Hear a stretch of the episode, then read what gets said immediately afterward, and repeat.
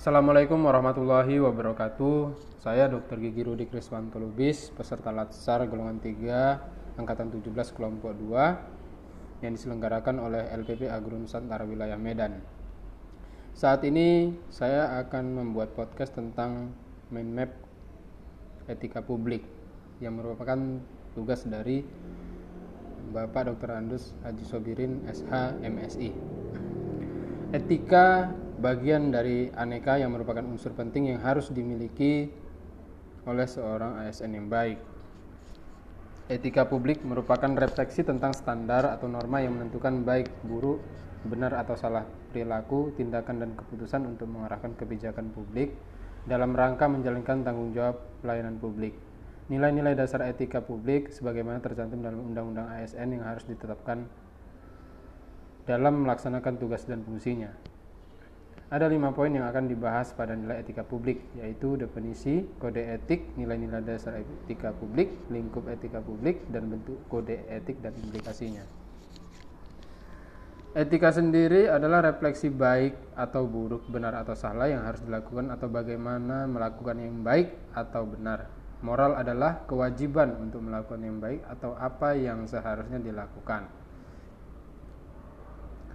Kode etik adalah peraturan yang mengatur tingkah laku dalam suatu kelompok khusus. Sudut pandangnya hanya ditujukan pada hal-hal prinsip dalam bentuk ketentuan-ketentuan tertulis. Terdapat 12 kode etik dan perilaku yang dapat dibaca dalam Undang-Undang Nomor 5 Tahun 2014 pada uh, pasal 5 tentang ASN. Terdapat 15 nilai dasar etika publik berdasarkan Undang-Undang Nomor 5 Tahun 2015 pasal 4 tentang aparatur sipil negara.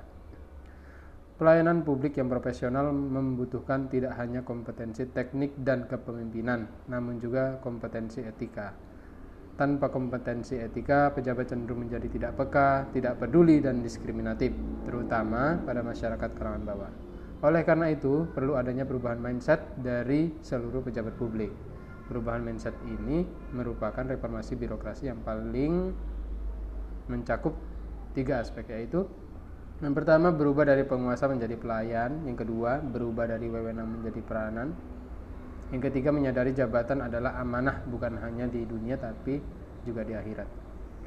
Bentuk kode etik dan implikasinya bentuk kode etik dalam perilaku nyata tergantung pada niat baik dan sentuhan moral yang ada dalam diri para pegawai atau pejabat itu sendiri.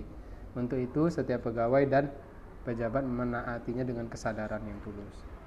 Paham idealisme etik mengatakan bahwa pada dasarnya setiap manusia adalah baik dan suka hal-hal yang baik. Apabila ada yang menyimpang itu, artinya dia tidak tahu cara bertindak menuju ke arah kebaikan.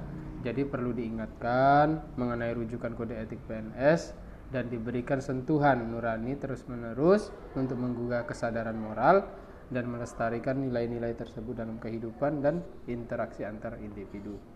Demikianlah penjabaran mengenai mind mapping etika publik dari saya.